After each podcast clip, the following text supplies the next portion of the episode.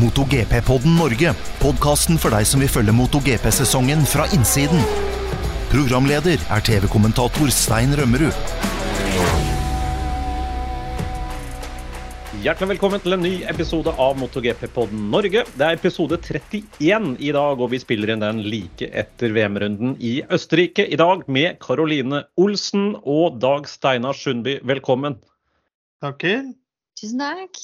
Men Thomas han fikk ikke være med i dag, fordi eh, han har nemlig kjørt så fort på motorsykkel på Våler at han har blitt norgesmester i 600-klassen. og Da tenkte vi da, da er han for rask for oss, rett og slett, så han får ikke lov til å være med i dag. Ja, nei, Vi er litt bitre nå for at ikke vi er så raske som det han er. Nei da, vi må gratulere han eh, veldig med det. Han kjørte Jeg var jo der, så eh, han kjørte eh, dominerte hele, hele helga uansett trening og pass og før. og vått eller tørt. Så det, det er mer enn fortjent. Veldig Ja, var- kult. Han feira rett og slett så hardt i går at han fortsatt er dårlig i dag. Er det det du sier, Dag Steinar? Det, vi kan jo si det sånn. vi sier det. Vi veit at det er litt andre grunner til det, så han har gyldig fravær. Men eh, Han har det. ut- det. utrolig moro med en eh, NM-tittel til da, på uh, MotoGP på den Norges eh, programledere. Så det var litt morsomt. Vi gratulerer han med det. Og da syns jeg vi skal kaste oss inn i eh, aller først eh, litt om det som skjedde i eh, Østerrike. Ikke så mye om akkurat hva som skjedde, men kanskje litt mer hvorfor det skjedde. Og Karoline, du kommenterte. gjorde et gnistrende comeback etter mange måneder med mammaperm. Men hva syns du? Jeg syns jo det var eh, spennende. Jeg synes det var eh, Det er jo mye som skjer om dagen. Det er mye snakkeri om eh, hvem går hvor neste år. Det er eh, mye utvikling på syklene som er morsomt å følge med. Eh, løpet i seg selv og resultatet var kanskje ikke så spennende, men jeg tenker at i hvert fall i sprintrace så skjedde det veldig mye utenom eh, som gjorde at det spisa opp eh, lite grann. Mm. Fikk du med deg løpet fra, fra Våler, Dag Steinar? Ja, jeg fikk med meg mesteparten av løpet. Sto i teltet der med, med PC-en eh, på disken, så eh, jo, jeg så det, jeg også fikk med litt hva som skjedde både i sprintløpet og, eh, og hovedløpet. Og det var jo som sagt det var jo litt mye action i starten her på, på sprintracet som det ble litt uh, rundt. Jeg så jo bl.a. Jorge Martin ikke kom til pressekonferansen før eh, litt seint utpå der, for han var hos Race Direction, så det var jo litt mye fram og tilbake, forstår jeg. Det ble jo til slutt eh, en overlegen seier til Peko Bagnaya. Han sto i pole position, han vant sprintløpet på lørdag og han vant løpet på søndag. Og det var samme andreplass hele veien også, for det var Brad Binder fra KTM som kjørte egentlig et veldig bra sprintløp og, og gjentok det også på, eh, på søndagen. På søndagen så ble jo Betsecki nummer tre i eh, løpet. Eh, nå er jo da Bagnaya ganske soleklart i ledelse. Han har 251 poeng totalt, og Martin på andre har 189, Betsecki 183 og Brad Binder 160. Det er topp fire akkurat nå, så det betyr at han leder med hva blir det, 62 poeng. Så det er ganske solid ledelse. men det er jo ti løp igjen. da, Vi regna litt på det, Karoline. Det er mange poeng å kjøre om, så det er jo ikke noe grunn til å henge med hodet over at det begynner å bli en klar ledelse til Bagnaya. Alt kan skje. Absolutt. Det er jo mye mer Det er jo mange flere poeng å kjøre om i år enn det det har vært eh, tidligere i år. Eh, Vi så jo i fjor hvor fort ting kan snu da i Quartararo og Bagnaya sin eh, battle mot slutten av året. Men jeg syns jo Bagnaya ser farlig god ut akkurat nå. Han, han viser Han er rolig. Han, han sier og gjør alle de rette tinga. Han, han sitter utvilsomt på den beste pakka akkurat nå. Eh, og det er skummelt å se at han kommer i flytsonen som det her, for det er litt sånn som vi så andre halvdel av sesongen i fjor, er jeg redd. Mm. Og jeg var faktisk litt overraska over de startene han hadde den helgen. her, fordi Vi har jo sett at KTM-en har vært fryktelig startrask, og at han uh, sliter med å holde Binder og ja, og de andre KTM-førerne bak seg. Eh, Jack Miller er også veldig veldig startrask vanligvis med KTM-en. Men han sa jo det på pressekonferansen at han har fått noe nytt, han har fått noe ekstra. Et eller annet uh, hemmelig og usynlig på, på Ducatien som gjør at han er mer startrask. Har, har, du noe teori i dag, Steinar? Hva kan det der dreie seg om? Er det clutch-relatert? Nei, jeg vet ikke hva de, de, kan være, men antageligvis så er det jo det et eller annet uh, Det er sånn de ja, de har sikkert eh, granska noen sånne drag race-kløtsjer i forhold til det, det opplegget der. sånn, og se eh, For KTM har gjort noe tidligere i sesongen, og eh, Ducati da lar ikke det bare gli forbi at de vil, eh, vil matche det, og det så vi jo. Det, det hørte vi jo Brad Binder sa også etter da på bakrommet der at eh, You Bastard har gjort noe nå. Så det, og, De har jo eh, gjort et eller annet, ja. Så de har jo fått uh, fått eh, lokka det forspranget KTM hadde der, da. Ja, for Han sa jo at han hadde like god start som vanlig, Brad Binder. Men eh, vanligvis da ville han ha holdt uh, Ducatiene bak seg, men det gjorde han altså ikke med Pekko Bagnaia nå. Så det var kanskje den lille akilleshælen som Ducati hadde, og der, nå er den borte også. Så mm. det ser jo bitte lite dystert ut, det er, det er, lov å si det. Men jeg, jeg er jo litt optimist av natur, og jeg tenker jo her er det altså det er 12 poeng for en sprintløpseier, det er 25 poeng for en søndagsløpseier. Det betyr det er 37 poeng som skal deles ut hver helg framover, og det er ti helger igjen. Så det er 37 ganger 10, 370 poeng å kjøre om, så her kan jo hva som helst skje utover også. Så jeg syns vi skal forsøke å holde spenningen oppe litt til, altså.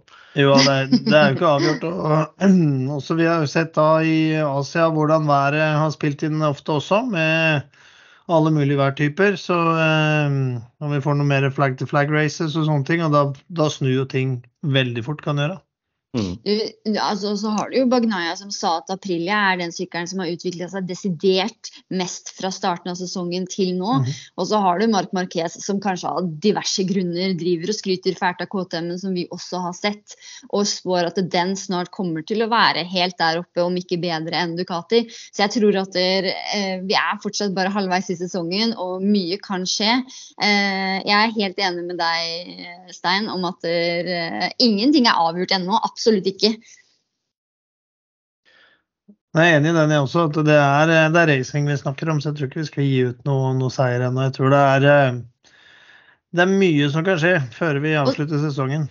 Også med så mye poeng per helg òg, du er jo enda mer sårbar hvis, dersom hvis om at du skulle bli skada eller ha ja. tekniske problemer, sånne type ting. Altså, så det er, eh, ja, det er mye som kan skje ennå.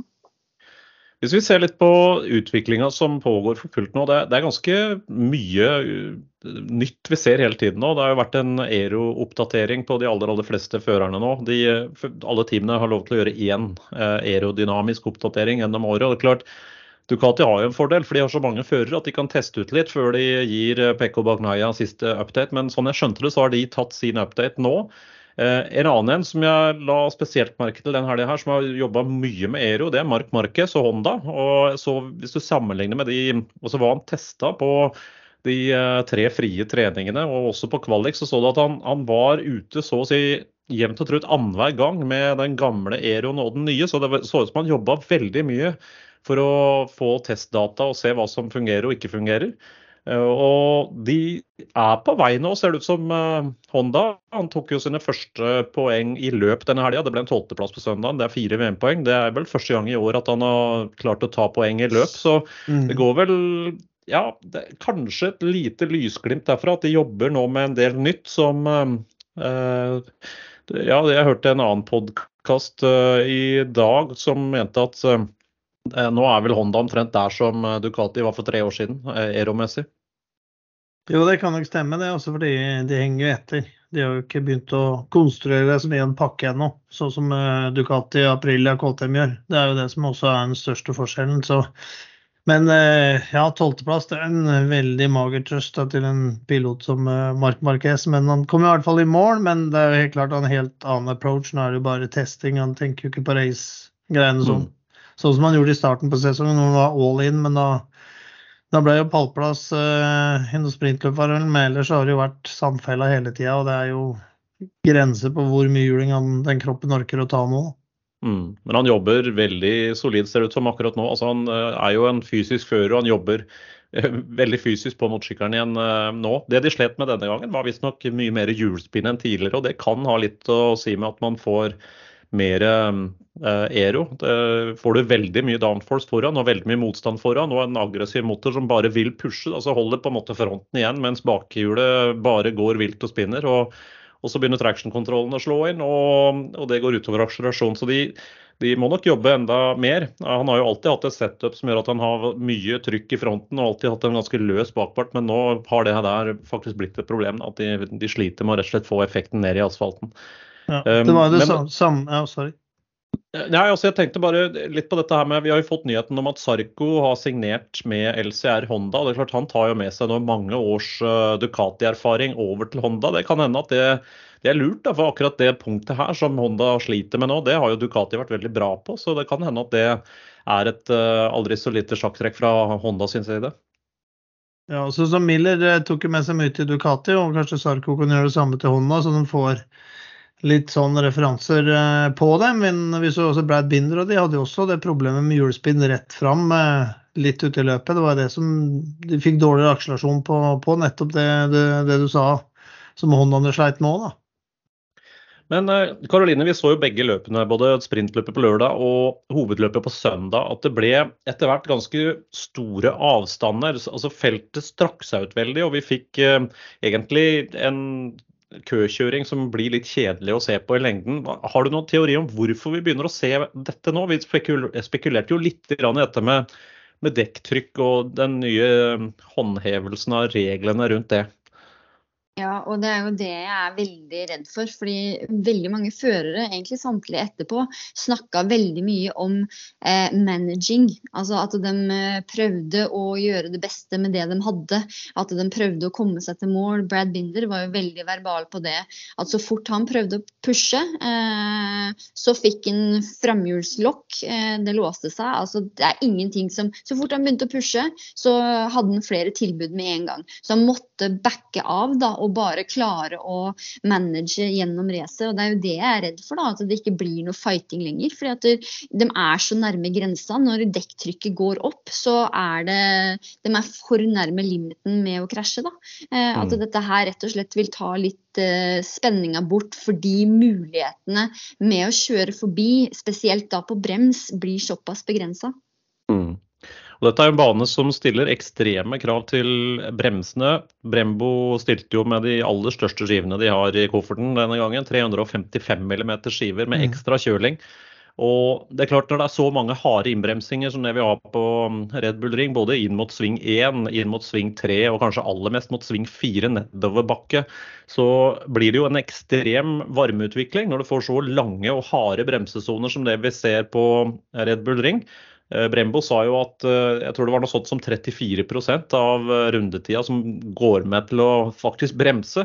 Og da genereres det fryktelig mye temperatur, og når man får så store skiver, så genererer det varme over til felg, som etter hvert forplanter seg over i dekk. Og hvis dekka også da får den høye temperaturen, så stiger også trykket. Og da vet vi hva som skjer. Øker trykket, så endrer jo profilen på dekket seg. Og der man vanligvis ser at dekket deformerer seg mot asfalt når man går på hard eh, brems, det gjør det hvis kanskje dekket da er på den minimumsgrensa på 1,88 bar. Men vi snakker her altså om dekktrykk som var opp mot 2,2 bar i stedet. og Da mm. opplever føreren det som en ballong, og det blir mindre grep. Og du får låsinger, som du var inne på, Karoline. og Her er det ikke noe ABS. Da må føreren faktisk begynne å eh, flytte bremsepunkter og bremse mindre hardt. og Det fører jo da til at det blir problemer. og Ligger man tett på førere foran, så blir det jo ekstra varme også fra de motorsyklene man ligger bak. Ergo så må man ha friskluft på, det blir større avstander og racingen blir kjedeligere. Er det det vi ser nå? Han mener, men det er også som jeg sier, det er spesiell bane på akkurat det der som genererer veldig mye eh, og, og, trykk. Og Bagnaya, som er en mester i å håndtere det der, og han eh, sa jo også da, i og med at selv om han lå først, så eh, var det en utfordring å holde det, det lufttrykket foran nede. Men også, det var jo veldig varmt under resa. Høy eh, temperatur i banen, og som du sier, med de eh, superbremsene de brukte nå, så blir det generert veldig mye varme. Ja, og Det som også er urovekkende, som Aleish sa, da, det var jo det at tidligere så har det jo vært litt sånn at dekktrykket stiger til et visst nivå, og så stabiliserer det seg. Men nå var det jo sånn at det bare fortsatte å øke gjennom hele racet. Så det er jo åpenbart en utfordring MotoGP har, da, og det er jo mye misnøye blant førerne akkurat her. Så det blir spennende å se hva som skjer. Men jeg tror liksom det her er det verste av det verste da, av hva vi får Jo. se akkurat nå. Mm.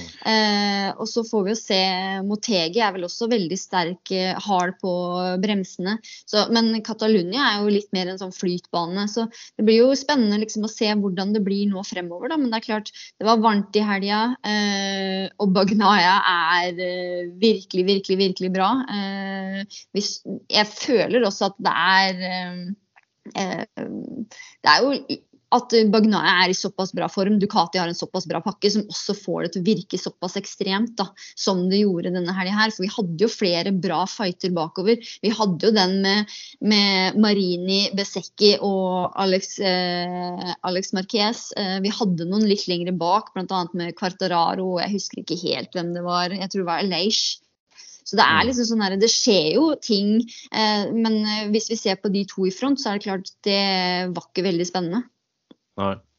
Nei. Eh, Det er jo nye regler i år, og det, de fleste av lytterne på MotoGP-poden har sikkert fått det med seg. Men det kan jo hende vi har noen nye lyttere også. Og, og veldig kort forklart så dreier dette seg om at Michelin, som er eh, enhetsdekkleverandøren i MotoGP, de har satt en minimumsgrense. De sier at 1,88 bar på fordekket er, det er grensa. Og hvis man eh, kjører da med et dekktrykk som er lavere enn det, så er det en risiko for at dekket faktisk kan slippe fra feltkanten. at du kan få punktering. Det kan være en sikkerhetsrisiko, og dekket deformerer seg for mye under brems. Og Derfor har man laget en ny regel i år som sier at man skal ha sensorer som kan leses av etter løpet, og førerne har da ikke lov til å ha under 1,88 bar i over 50% av racedistansen. Har de det, så blir det en advarsel første gang det skjer.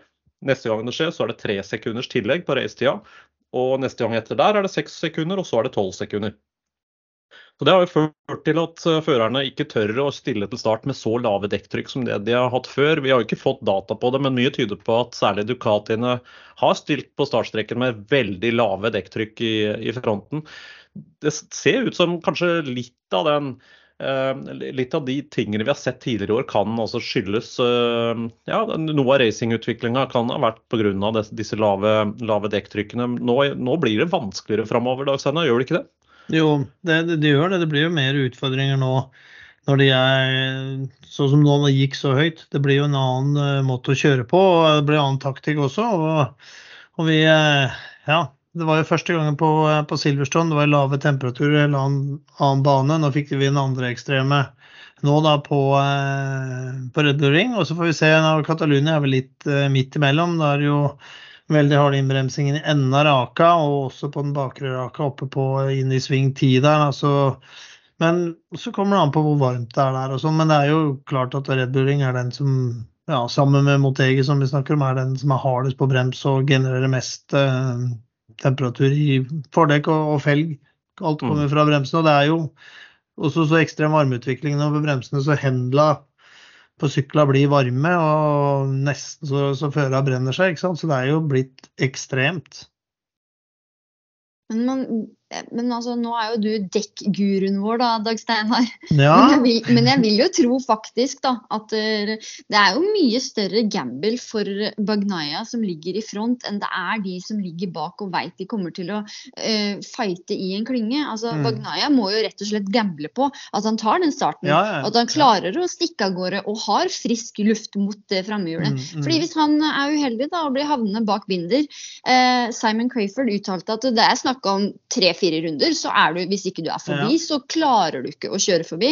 Eh, og hvis du da har gambla på at du ligger i front eh, og har litt grann høy, høyere Mm. dekktrykk enn de som ligger bakover i feltet, så har du jo virkelig problemer hvis ikke alt går etter planen og du da blir eh, liggende bak en fører ut fra start.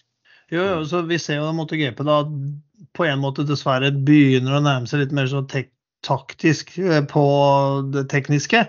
Litt som Formel 1 i forhold til hva han planlegger. Og sånn som til før sprintrace så hadde jo eh, Bagnaya også en sånn plan om hvordan han skulle gjøre det hvis han regner med at det binder ville gå ut først, så startsterk han eh, normalt er.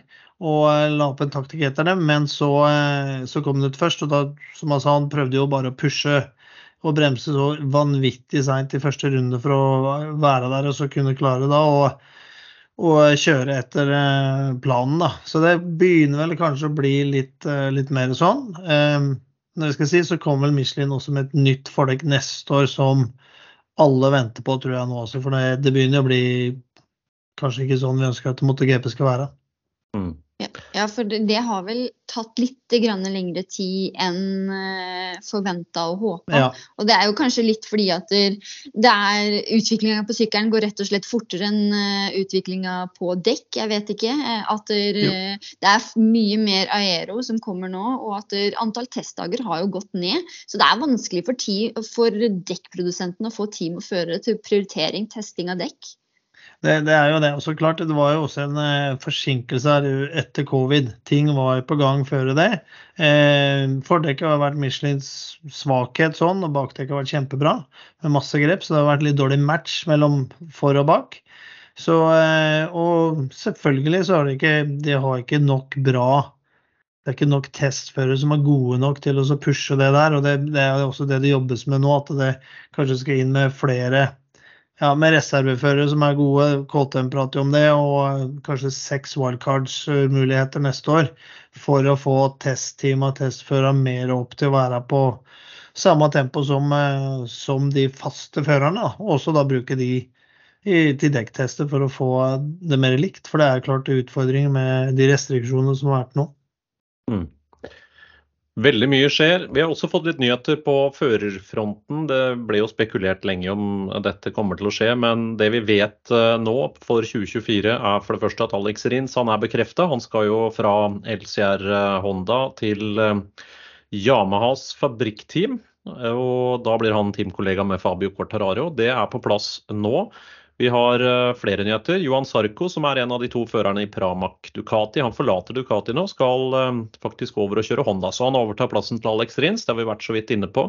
Men det gjør jo også at det åpner seg en plass da, i Pramac Ducati. Og vi har jo spekulert litt i hva som kan komme til å skje der. Vi trodde jo en stund at det kunne være sannsynlig at Betsekki går fra VR46-teamet til Pramac. Da vil han jo få en 2024-versjon av den Ducatien. men den siste uka så har det kommet eh, enkelte historier i media som tyder på at det kanskje ikke skjer allikevel. Eh, Dag Steinar, hva har du eh, snappa opp av de ryktene der?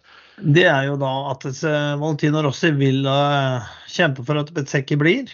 De vil ha han i teamet, han og Luca Marini. Og så, og så er det da at Betsecki igjen er jo avhengig av Og det er veldig viktig for han hvem han har rundt seg, og at teamet fungerer.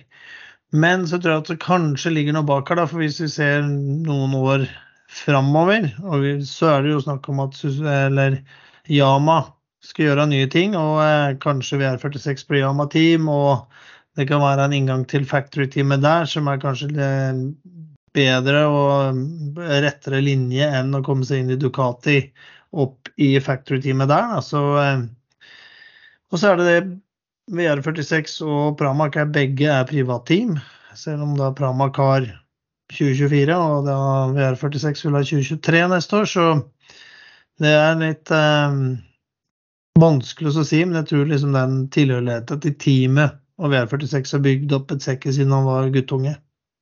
Og nå ser vi jo hva Pekko Bagnaya får til på den 2023 Ducatien i år, så det er jo ikke en dårlig motorsykkel. Den vil jo være like bra til neste år. Så selv om det skjer litt med 2024-versjonen der, så vet vi at det er jo ikke noe revolusjon. Det er jo bare små endringer som kommer til å, kommer til å skje nå, for nå har de en pakke som er så, så bra. Men eh, da må jeg spørre dere, da.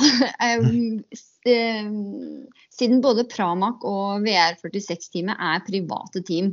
Hvis eh, VR46-teamet hadde bygd opp en bra nok pakke, hadde dem kunnet konkurrere om å få den eh, pakka fra Ducati som eh, Altså å kjøre type factory-sykkel samme som eh, Ducati-teamet?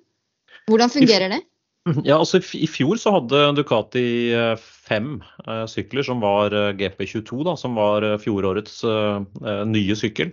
Og den femte der, den var det jo Luca Marini som kjørte i VR46-teamet. Så på det tidspunktet så hadde avtalen med Valentino Rossi og VR46 en klausul som gjorde at Ducati leverte en, en rett og slett en factory-supporta sykkel inn til VR46. Og så beholdt de den samme sykkelen da, i, i 2023, sånn at det er fortsatt en GP22 der. Og Ducati bestemte seg for at de ville kun ha fire årsmodeller da, av GP23. Og det er de to som går i Factory-teamet og i, og i Pramac-teamet.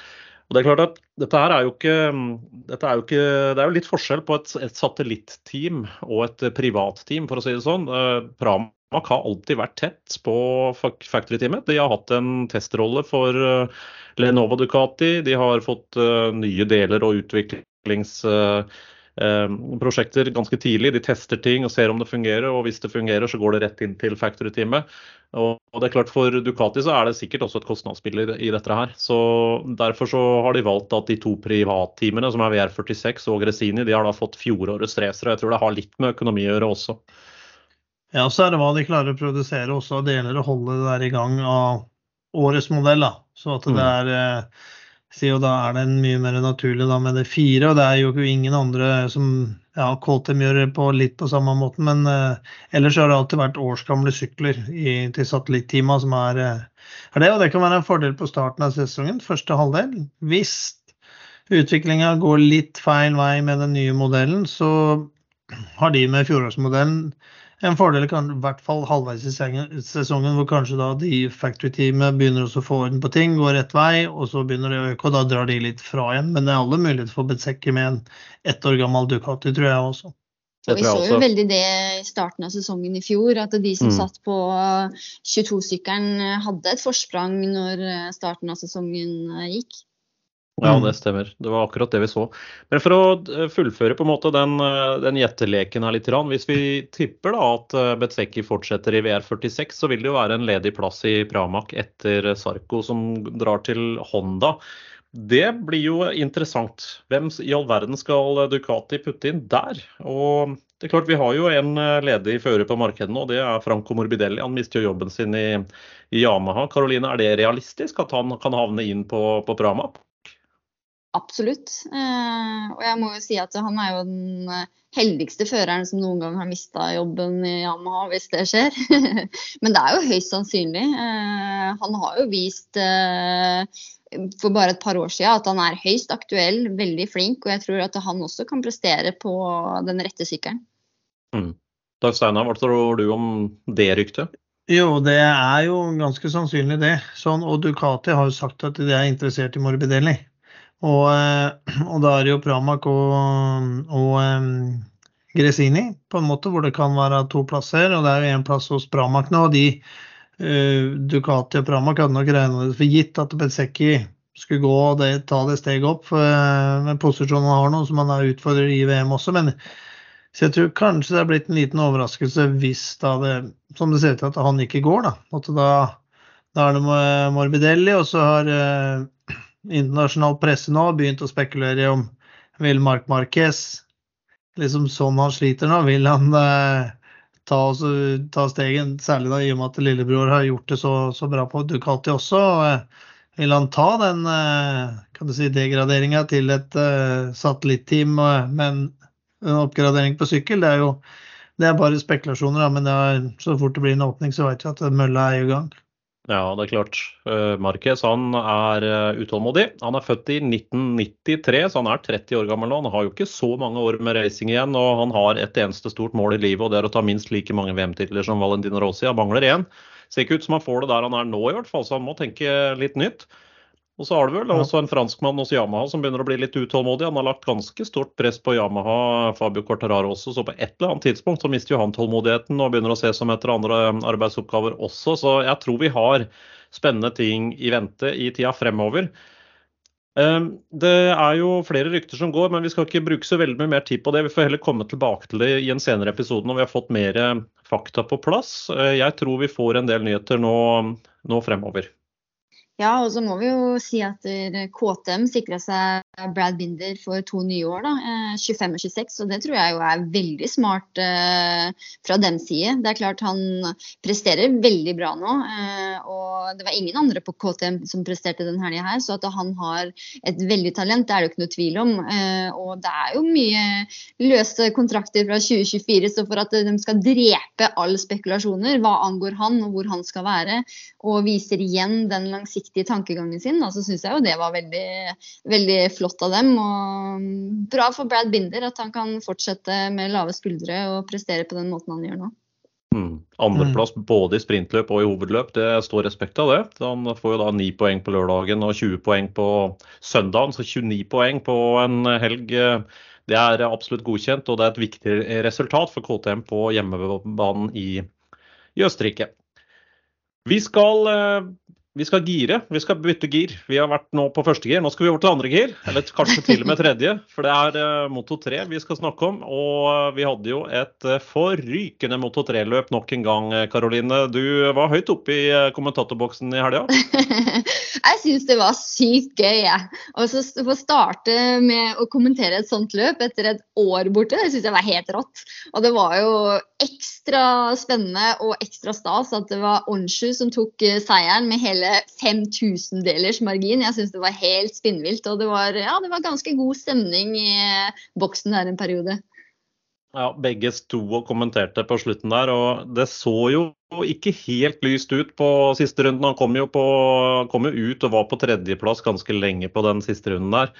Men eh, for en manøver han hadde i siste sving. Vi har jo sett andre løp også blitt avgjort i den siste sving 10 på Red Bull Ring. Og han eh, tima det veldig godt, for det ble jo et lite sammenstøt der eh, på de to andre. Og han fant en åpning på innsiden. Jeg er ikke helt sikker på at det var super planlagt, men han tok i hvert fall den muligheten som kom. Og han var tidlig på gassen og bare la seg under kåpeglasset med helt stram vaier. Og det holdt så vidt til seier, og det er jo seier nummer to, da i karrieren for uh, Dennis Hunchu. Fikk du med deg løpet i dag, Steinar? Ja, jeg gjorde det. Så det var noen som sto og skreik i teltet oppe på Våler. Det skal jeg love dere. Nei, det var, var helt rått. Og nå var han jo eh, I motsetning til eh, Silverstrand, så var han jo plassert på rett side nå og eh, kunne utnytte det, det maksimalt. Så eh, det, det, det, var utrolig heftig. og han eh, ja, jeg òg trodde at det skulle være, så ikke så bra ut, men så kom han jo tilbake igjen, og da med det sammenstøtet med, med Holgado og eh, Sasaki, Sasaki, der, sånn, så, mm. eh, så blei det jo den åpningen som skulle til. Da. Så eh, nei, det var helt fantastisk. Han var jo rett og slett på rett sted til rett tid ja, ja, eh, og kjørte et smart race. Og ti av ti, altså. Ja, helt klart. Og også imponerende unggutten Weier. At han var plutselig der oppe, det hadde jeg ikke sett uh, for meg med en gang. Rookie fra pole og holdt hodet så kaldt, ja. det syns jeg var helt rått. Ja. Mm, tok uh, fjerdeplassen Colin Weier, for det ble jo da Daniel, Daniel Holgado på andreplass. Han var som du sa, Karoline, fem tusendeler bak Dennis Huncher, Hvis man ser på det eh, målfotoet fra helikopteret, så er det jo Vi snakker også Det er en dekkhøyde i forskjell, det er ikke noe mer enn det. Og eh, på tredje Sasaki, og fjerde også Colin Weier foran Ivan Ortola. Og hvis vi da ser på VM-sammendraget i eh, Moto 3, så har Daniel Holgado 161 poeng nå. Sasaki 135 og Dennis Hunchu 124, så nå er han oppe på tredjeplass i sammendraget. Klatra fra femte. Og han er bare 11 poeng bak Sasaki, så dette her begynner jo å lukte både fugl, fisk og sølv og gull, så det er kjempebra. Vi eh, gleder oss til fortsettelsen for den norsk-tyrkiske føreren Dennis Unchu. Da er det jo på tide å kanskje gå inn for landing. Vi tar eh, som alltid gjerne imot tilbakemeldinger og spørsmål på stein. Husk å abonnere på denne podkasten hvor enn du lytter på den, enten det er på Apple Pods eller Spotify eller andre steder. Vi eh, er tilbake igjen med en eh, ny episode før VM-runden i Catalonia, og vi kan garantere at der blir det også masse bra drama i tre klasser. Vi gleder oss i hvert fall. Dag Steinar og Karoline, tusen takk for uh, nå. Takk for nå, ja. Takk, takk. Vi høres og ses ganske snart. Ha det bra. Du har hørt MotoGP-podden Norge med programleder Stein Rømmerud.